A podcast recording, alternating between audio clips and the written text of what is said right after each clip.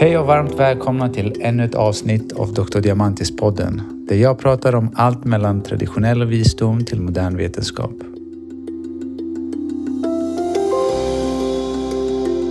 Idag har jag med mig en gäst här i studion och det är min kära vän Babak. Välkommen! Tack så mycket.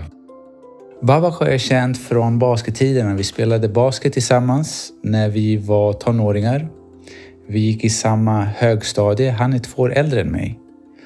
Och eh, jag har alltid känt mig väldigt nära Babak eftersom när jag spelade med äldre, då klart, man brukar ju skoja med den yngsta. Och det var ju jag. Men Babak var nästan som min, min storebror som så, såg till att de andra killarna skötte sig. Och jag är för evigt tacksam för det. Jag också. att vi har återförenats igen. Verkligen. För det var så att eh, vi hade inte setts på jag vet inte, mer än tio år.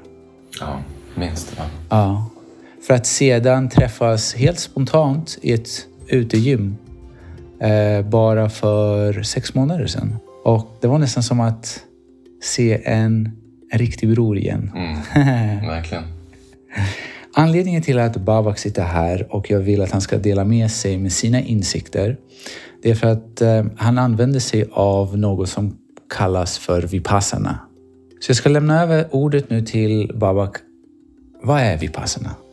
Oh, det, är en, eh, det är en stor fråga. Om man slår upp ordet på Vipassanas hemsida så står det att Vipassana betyder att se saker och ting som det är.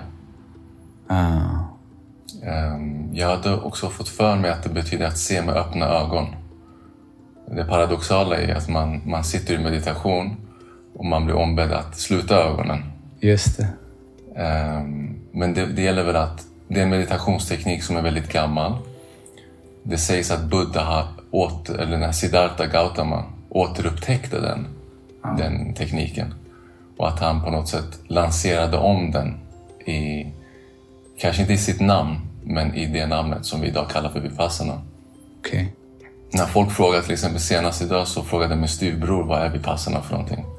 Och för det, en, det enklaste sättet att förklara vad jag gör i tekniken och vad vi lär oss, om man bara tänker teknik, är att scanna kroppen från Just. topp till tå.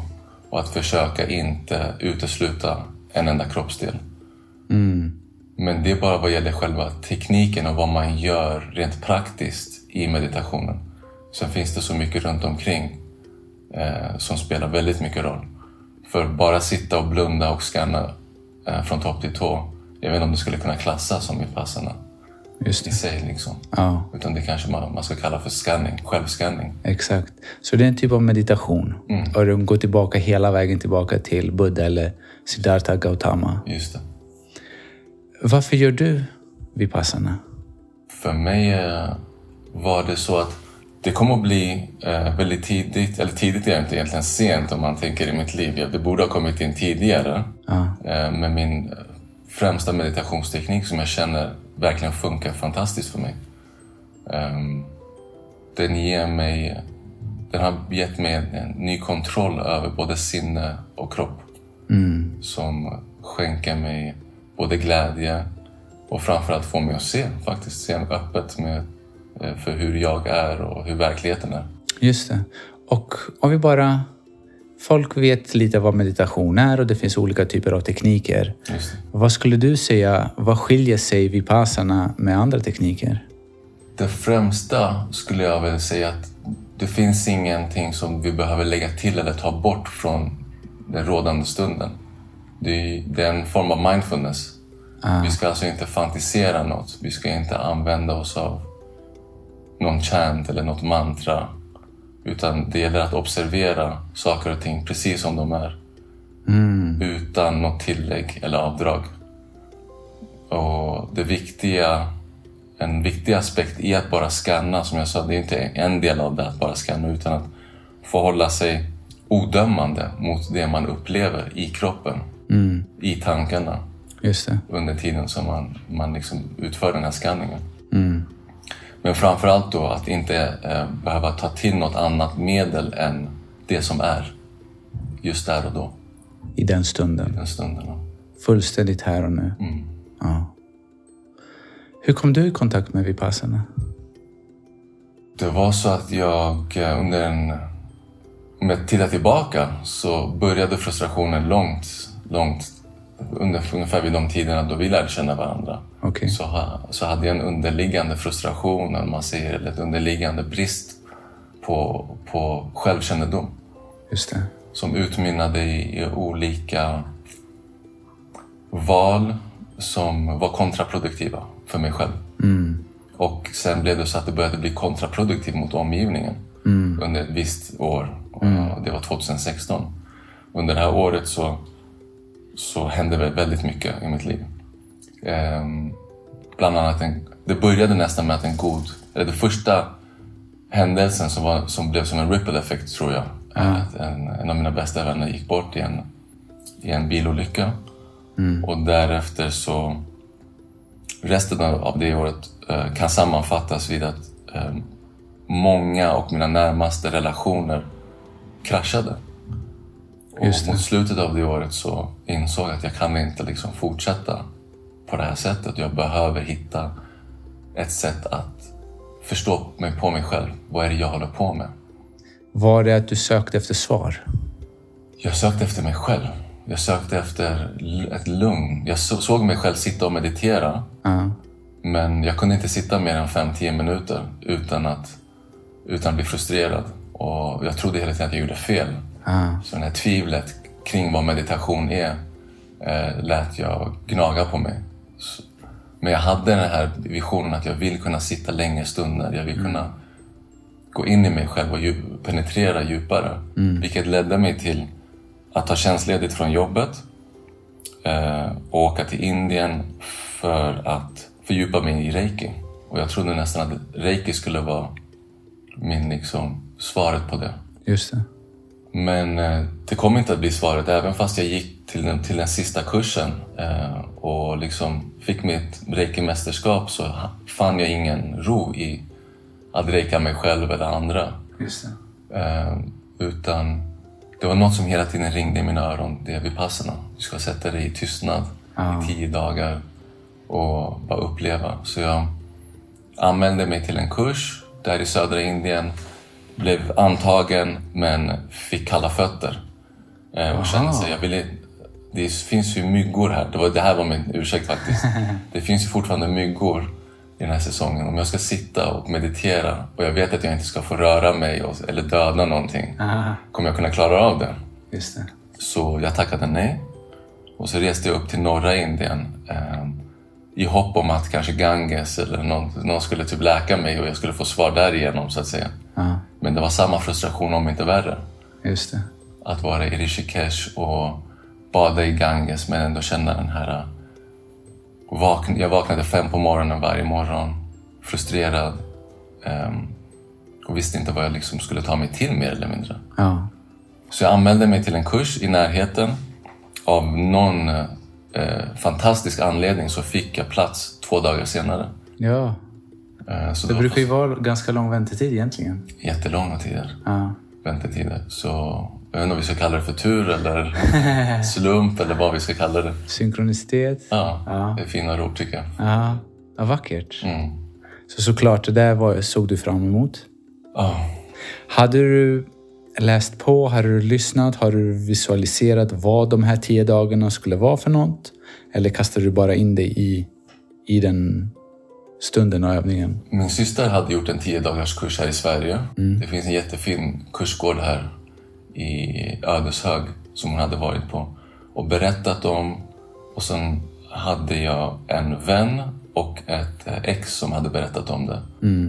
Men när mitt ex då, min dåvarande liksom, flickvän, när jag var med henne och hon berättade, då gjorde jag narr av det. Så den visualisering som jag gjorde, att man sitter tyst och liksom inte säger någonting och inte får röra sig och ska sitta tio dagar i sträck, var för mig helt bisarrt. Men sen när min syster väl berättade om det, om effekterna som hon hade upplevt, så, så kunde jag förstå bättre ungefär vad det, vad det är. Men det jag var orolig för var just att sitta still, för jag är en person som rör på mig väldigt mycket. Ja. Ehm, så jag var orolig för det. Och hur det kommer kännas i rygg och liksom så vidare. Men när jag väl kom dit så minns jag att jag blev förvånad över vad det faktiskt innebar. Eh, att, att sitta och jag visste inte ens att det var kopplat till Buddha till exempel. Ja. Att det var Buddhas meditationstekniker eh, och teknik då. För egentligen i kursen så får man lära sig tre olika tekniker. Varav Vipassana är den bredaste om man ser det. Det är det som är fokus på. Just det. Så där blev jag väldigt positivt förvånad. Så jag, jag kan säga att, att jag hade väldigt få förväntningar om ens några. Kul. Mm. Och så började du och eh, jag har hört att många har eh, utmaningar under de här tio dagarna. Och eh, du undrade ifall du skulle ha ont i ryggen, hur du skulle sitta still. Hur, hur blev det till slut? Det här låter lite konstigt kanske. Att säga det var all heaven och, peace och så vidare. Men det kändes så i och med att jag var så frustrerad. Ja, Jag gick mer eller mindre runt och grät i, i några månader. ja, Och, och, och, så, och var i Indien, den här intensiva platsen. just det. eh, den intensiva platsen på den här planeten så, så var det verkligen ett retreat för mig. Att få komma någonstans där det var helt knäpptyst. Jag fick verkligen lyssna på fåglar och det fanns apor och papegojor och allt möjligt. Och framförallt att få vara novis, vara helt ny på någonting var fantastiskt för mig Just det. att känna att jag var liksom längst ner i, i, vad ska man säga, i hierarkin. Det finns ingen hierarki egentligen, men vi säger den här, Ja. i den lärande hierarkin. För det är ändå så på de här kurserna att man, de som är eh, mest noviser, de får sitta längst bak. Så jag satt längst, längst, längst bak tillsammans, eller bredvid en chilensk kille Ja, som jag lärde känna där sen. Så det var fantastiskt skönt. Men vad gäller utmaningarna så var det otrolig utmaning att sitta still. Att inte reagera på det jag alltid hade reagerat på, vilket är de här eh, sensationerna när det blir så här tryck i knän, när det blir tryck i ländrygg. Att vi har en tendens att röra på oss och vilja ställa oss upp och, Ja, och liksom försöka lö- lösgöra det här trycket. Eller kanske bara göra en solhälsning för att få liksom släppa lite. ja, Så att inte göra någon yoga, inte träna överhuvudtaget, inte svettas på tio dagar var, var mina stora utmaningar. Och hur kom du över just den här den tröskeln av smärta eller obehag? Ehm, Jag skulle väl säga, jag var väl ändå den, och jag brukar vara den som rör sig mest på rasterna. Så att faktiskt promenera i lugnt tempo tror jag gjorde väldigt mycket för mig. Att ändå få igång lite blodflöde. Just det. Eh, dels, dels det, det är i alla fall vad jag tror att det hjälpte. Så jag har fortsatt göra det för varje kurs jag går så håller jag igång på rasterna liksom. Ja, Eh, Och för det andra så är det själva tekniken i sig. Att jag, jag upplever att om jag, eh, eller om man, skulle vara så modig och säga att om man ger sig hän tekniken och sa- sannerligen litar på, på traditionen, eller vad man ska säga, just det. då, då löser det sig. Det gäller bara att, att observera och inte döma smärtan så, så förflyttar den sig, eller den, den försvinner med tiden. Och hur var det då psykologiskt? För smärtan var en sak, det fysiska. Hur var det psykologiskt? Det var, det var väl den delen som var mer eh, himmelrik om man ska säga. Det var ju verkligen upp, upplösning av så många knutar som jag hade burit runt på.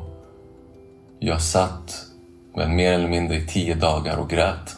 Eh, utan att snyfta. Det var inte den där typen av gråten där det, som låter utan Ja. det bara rann tårar. Timme efter timme. Ja, Och det var den mest frigörande processen jag varit med om i hela mitt liv. ja, Än till idag. Ehm, Så psykologiskt så var det, det var en befrielse. Det var, jag hade en känsla av att jag ville komma ut därifrån för att få uppleva livet. Det var det jag såg fram emot. ja, Uppleva livet på nytt med, med de här ögonen. Men samtidigt så ville jag inte komma ut ur centret för jag kände att det var som, en, som att vara inne i sin mamma, mother's womb, i sin mammas livmoder. Exakt. Jättetrygg kände jag mig där inne. Ja, Och lite så här, fortfarande dömande. Så psykologiskt, jag, jag, jag har varit, jag tror många av oss är, men om jag ska prata för mig själv så har jag varit väldigt dömande i min ungdom och in i vuxenlivet. Och jag upplevde där på, på centret och på retreatet hur mycket jag dömer andra. Så det fick jag verkligen brottas med och, och jobba med mig själv.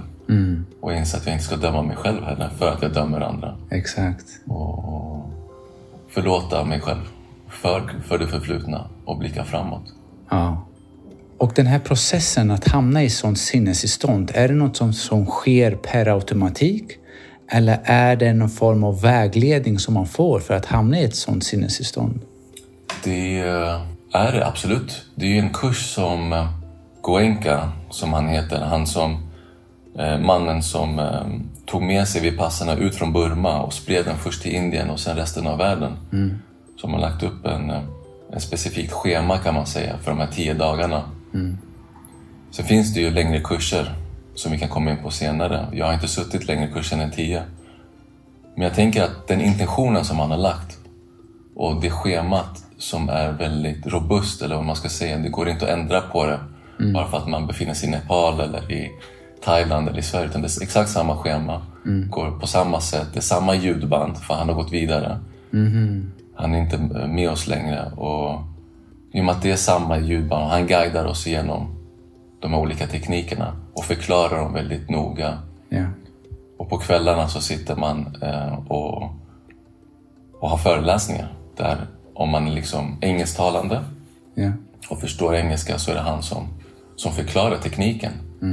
Tillsammans med lite anekdoter och lite skämt. Så man får verkligen man förstår vad man håller på med. Till Samtidigt som man skrattar. Just det. Och hur pass viktig var den delen också att integrera i? Otroligt. Ja. Eh, jag, vet inte hur jag skulle kunna ta emot det här och integrera det och älska det och vilja fortsätta med det och vilja sprida det om, jag, om det inte var för Goenka. Eh, Det kan vara paradoxalt att säga för om det inte var Goenka hade det förmodligen varit någon annan. Ja. Men eh, jag tänker så om de, bara de föreläsningarna inte hade funnits så hade det saknats något. Just det. Så det känns som ett väldigt komplett, en komplett retreat på tio dagar. Ja, Och hur, vad var din första insikt i vad som hade hänt hos dig efter de första tio dagarna? Alltså efter dem, så när jag kommer tillbaka ut så upplever jag mig lättare. Jag... Eh, bara en, en, en enorm lättnad. Eh, jag kände mig inte... Jag kan faktiskt säga, jag började... Innan det så började jag eh, tvivla på mitt mentala tillstånd lite. Och jag liksom började hamna på en annan plats vad gäller och en annan frekvens. Började gå mot psykisk ohälsa. Just det. Ehm, Innan de tio dagarna? innan, innan de tio dagarna. Vad är det jag behöver? Och frågorna var liksom... Jag tänkte aldrig på att ta till medicinering om du, om du förstår vad jag menar. Men Ja. jag var fullt inne på att jag behöver söka hjälp. ja, jag förstår. Behöver ha samtalshjälp och kanske olika former av terapi för att komma in på djupet. Ja. Och efter de här tio dagarna så, så fanns inte det behovet. Eh, varken vad gäller känsla eller nyfikenhet utan jag kände att jag kan göra det här jobbet själv. Ah. Mm, och gå, gå, in, gå in, in i mig själv. Var det nästan så att du, fick, du kände att du fick verktyg? Mentala verktyg? 100 procent, exakt så. Ja. Mentala och praktiska verktyg som jag behövde applicera dagligen. Och i början så var det så att jag satt två timmar om dagen, en timme morgon, en timme kväll.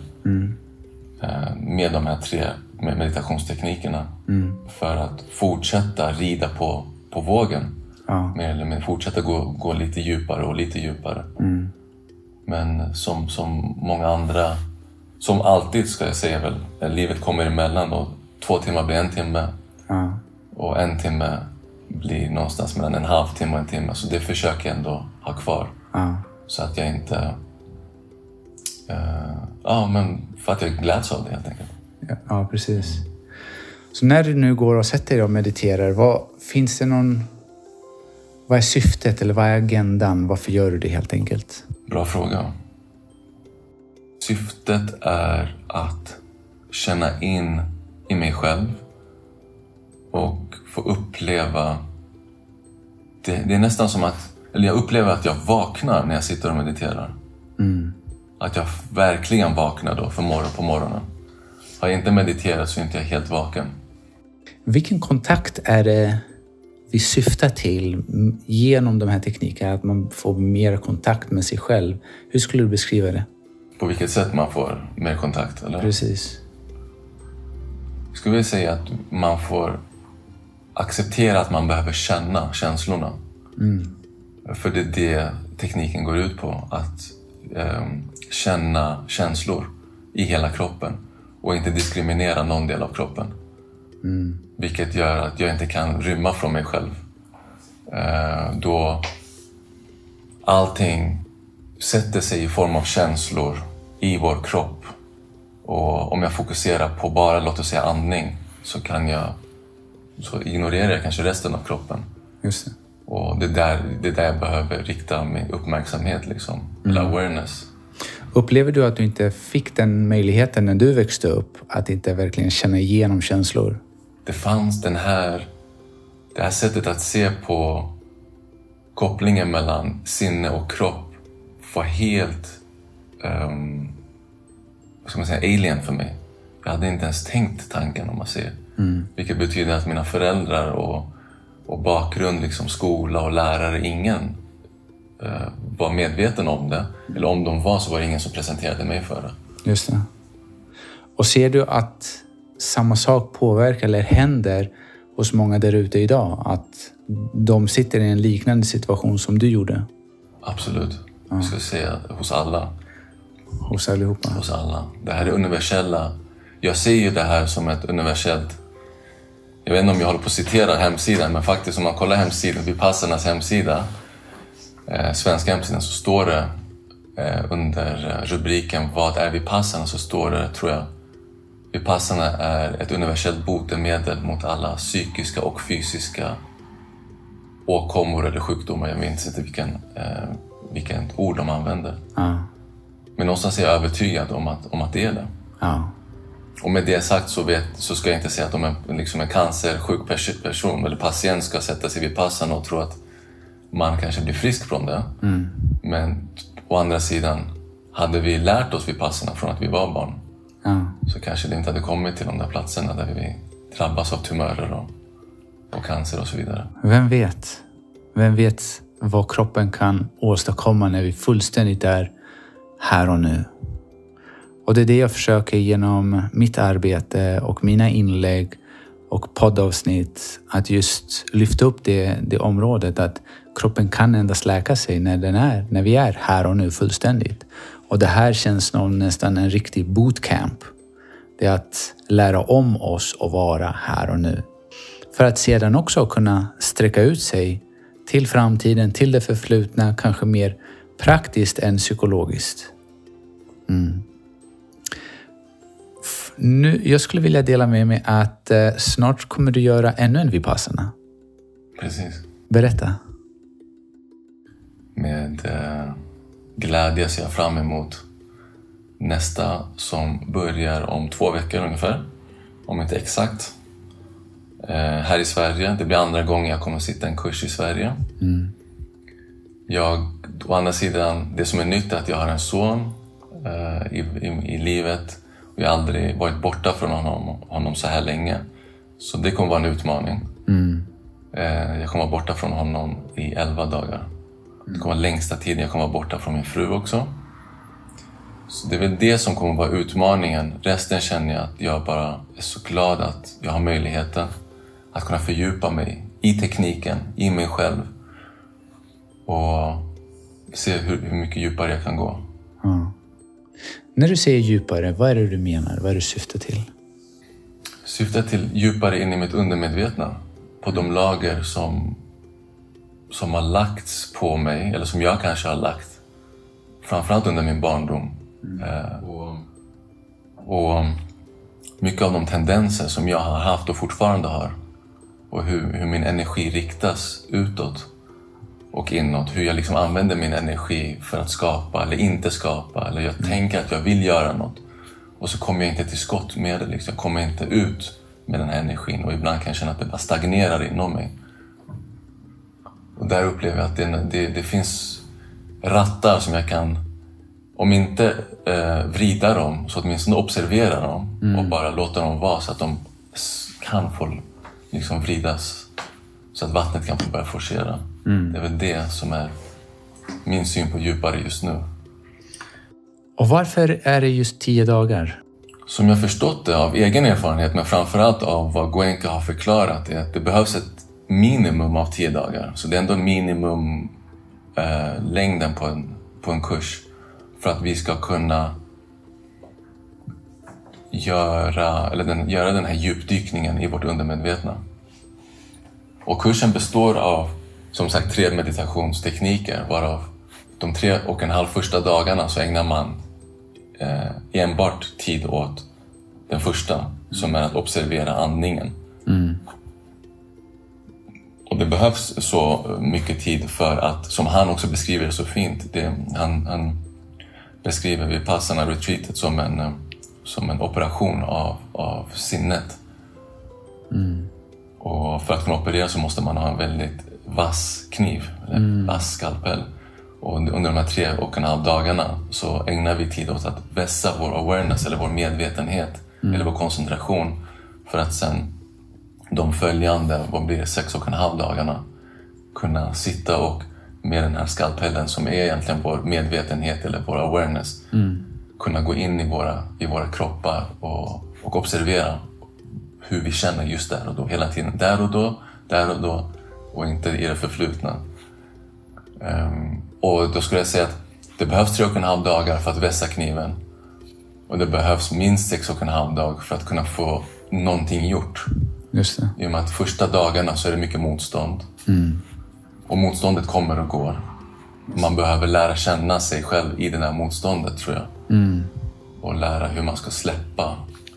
Det kanske inte är förrän sista dagarna då det faktiskt släpper för vissa. För vissa släpper det inte alls på tio dagar, vissa släpper det kanske tidigare. Men det är ett minimum. Ja.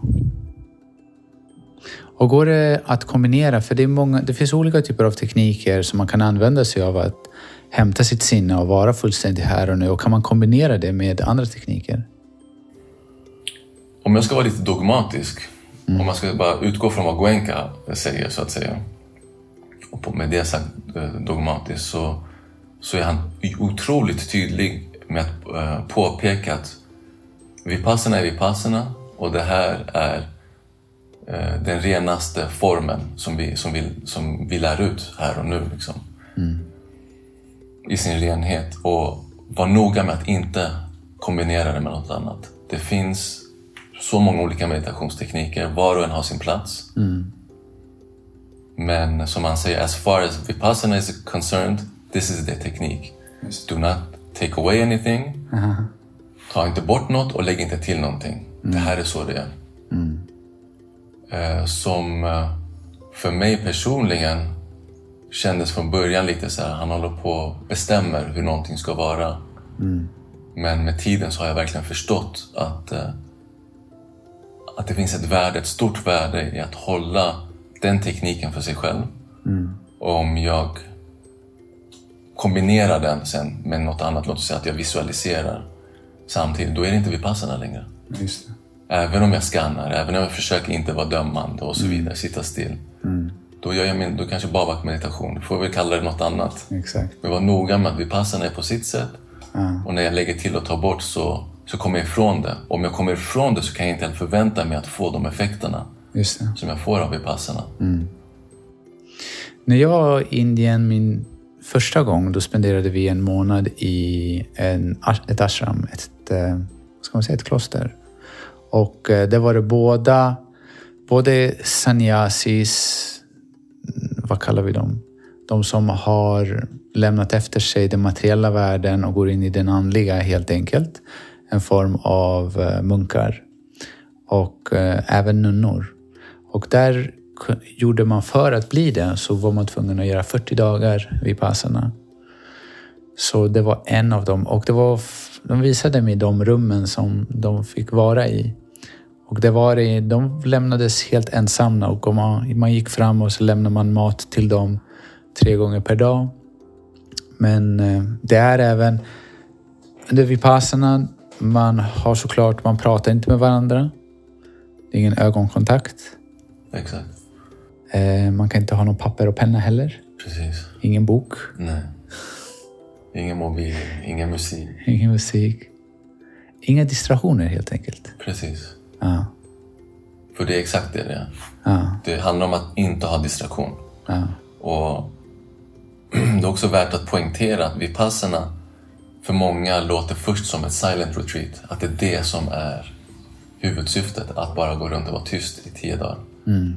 Vilket i sig för vissa, kanske för väldigt många, kan vara en utmaning. Men att vara tyst och tystnaden är egentligen ett redskap för att vi inte ska ha distraktion. För att vi ska kunna ägna oss åt det som är huvudsyftet, som är meditationen. Nu när vi har kommit in i tystnaden lite, berätta lite vad, hur du ser på symboliken av tystnad. Jag ser att, um, kanske låter väldigt stort, men att sanning träder alltid fram i tystnaden. Och med sanning menar jag eh, framförallt en sanning som vi bär på själva inom oss. Alltså vår, den sanning vi kan uppleva inom oss själva.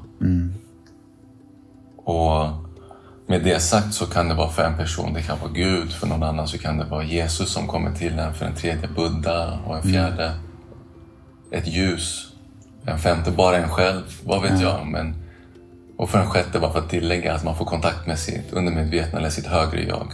Eller hur den är. Men hur den är så, så är det i tystnaden som vi tillåts att verkligen känna in.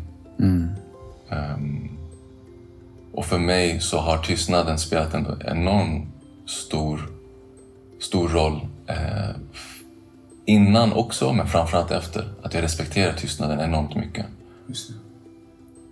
Framförallt att jag inte ska behöva uttrycka mig allt för mycket utan bara... Alltså tystnad behöver inte att, betyder inte att det behöver vara tyst, tänker jag. Så att det inte ska finnas några ljud. Ja, Men att jag inte känner att jag...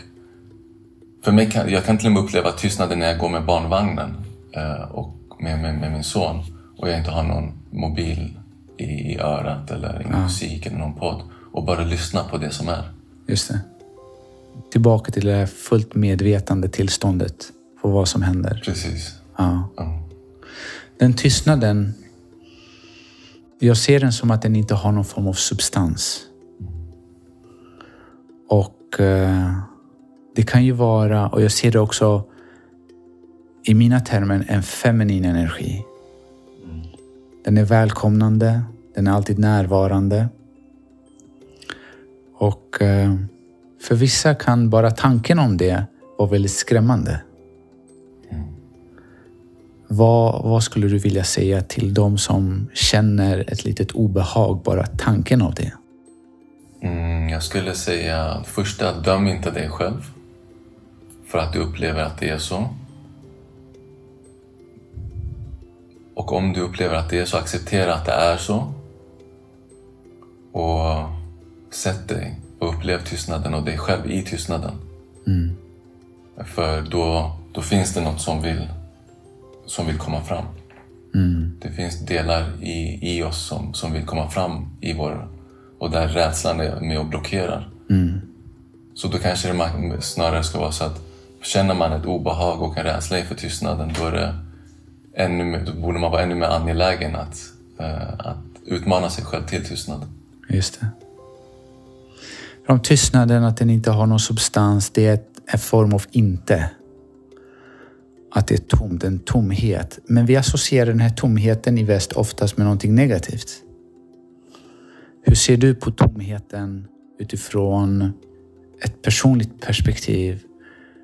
Till exempel, om jag skulle gå ner till Stureplan en fredag, lördag kväll och jag skulle säga till någon som står i kö för att gå in till, till någon klubb. Säga, du, du är ett ingenting. Högst troligt skulle bli konflikt. Det känns som att vi vill komma ifrån det här ingenting. Att alla vill vara något. Och här sitter vi och pratar om att nej, vi ska gå tillbaka till att inte vara något. Mm. Medans om vi flyger över då till öst och vi träffar en munk Mm. och vi säger till honom, du, du är ingenting. Då skulle han nästan tacka oss för att vi påminner honom om det. Ja. Och det är så fint hur kulturellt vi har börjat associera till saker och ting på så olika sätt. Med det, så- ja, verkligen. Det, det är så fantastiskt. Så återigen till dömandet. Och jag tror även via den här inre resan och, och att man stannar som det evigt närvarande medvetandet som observerar allt. Att man tillåter det här utrymmet och spacet bara växa mer och mer och mer. För att vi alla, det finns hos oss alla som du säger. Mm. Ja. Hur skulle du säga ifall någon är nyfiken på det här? Vad har du för råd och tips? Mitt tips är att eh, googla Vipassana meditation Sverige och gå in på den eh, hemsidan. Det är tufft. Framförallt att vara borta kanske från familj och, och så. Man behöver, de flesta som jobbar behöver ta semester i de här 11 dagarna. Just det. Men det är otroligt värt. Det, det, är, det är det bästa vi kan göra för oss själva. Så googla det, gå in på hemsidan, läs på vad det är Vipassana. Eh, skriv in, knappa in det på Youtube. Det finns säkert föreläsningar. Och eh, skriv upp det på en kurs. Ja. Eh, det finns inget annat att göra än att uppleva det själv skulle jag säga. Vackert. Ja. Så vackert. Och jag är så nyfiken på att höra dina insikter. Så vi kommer göra ett, ännu ett avsnitt när du kommer tillbaka. Det blir jättefint att komma tillbaka och göra det som ett Så med det sagt så vill jag varmt, varmt tacka dig, min kära vän och broder Babak. själv. Tack för dina insikter. Tack för din tid och din stund. Det var min glädje. Så, det var allt för idag. Eh, tack för er tid också och hoppas det här gav er nya insikter i vad Vipassana är och hur ni kan lära er och använda er av den här metoden för att ta er hälsa i, sina, i era händer och skapa de förutsättningarna för att kroppen och sinnet ska läka sig själva. Jag önskar er allt det bästa, massvis med kärlek. Ta hand om er. Hejdå!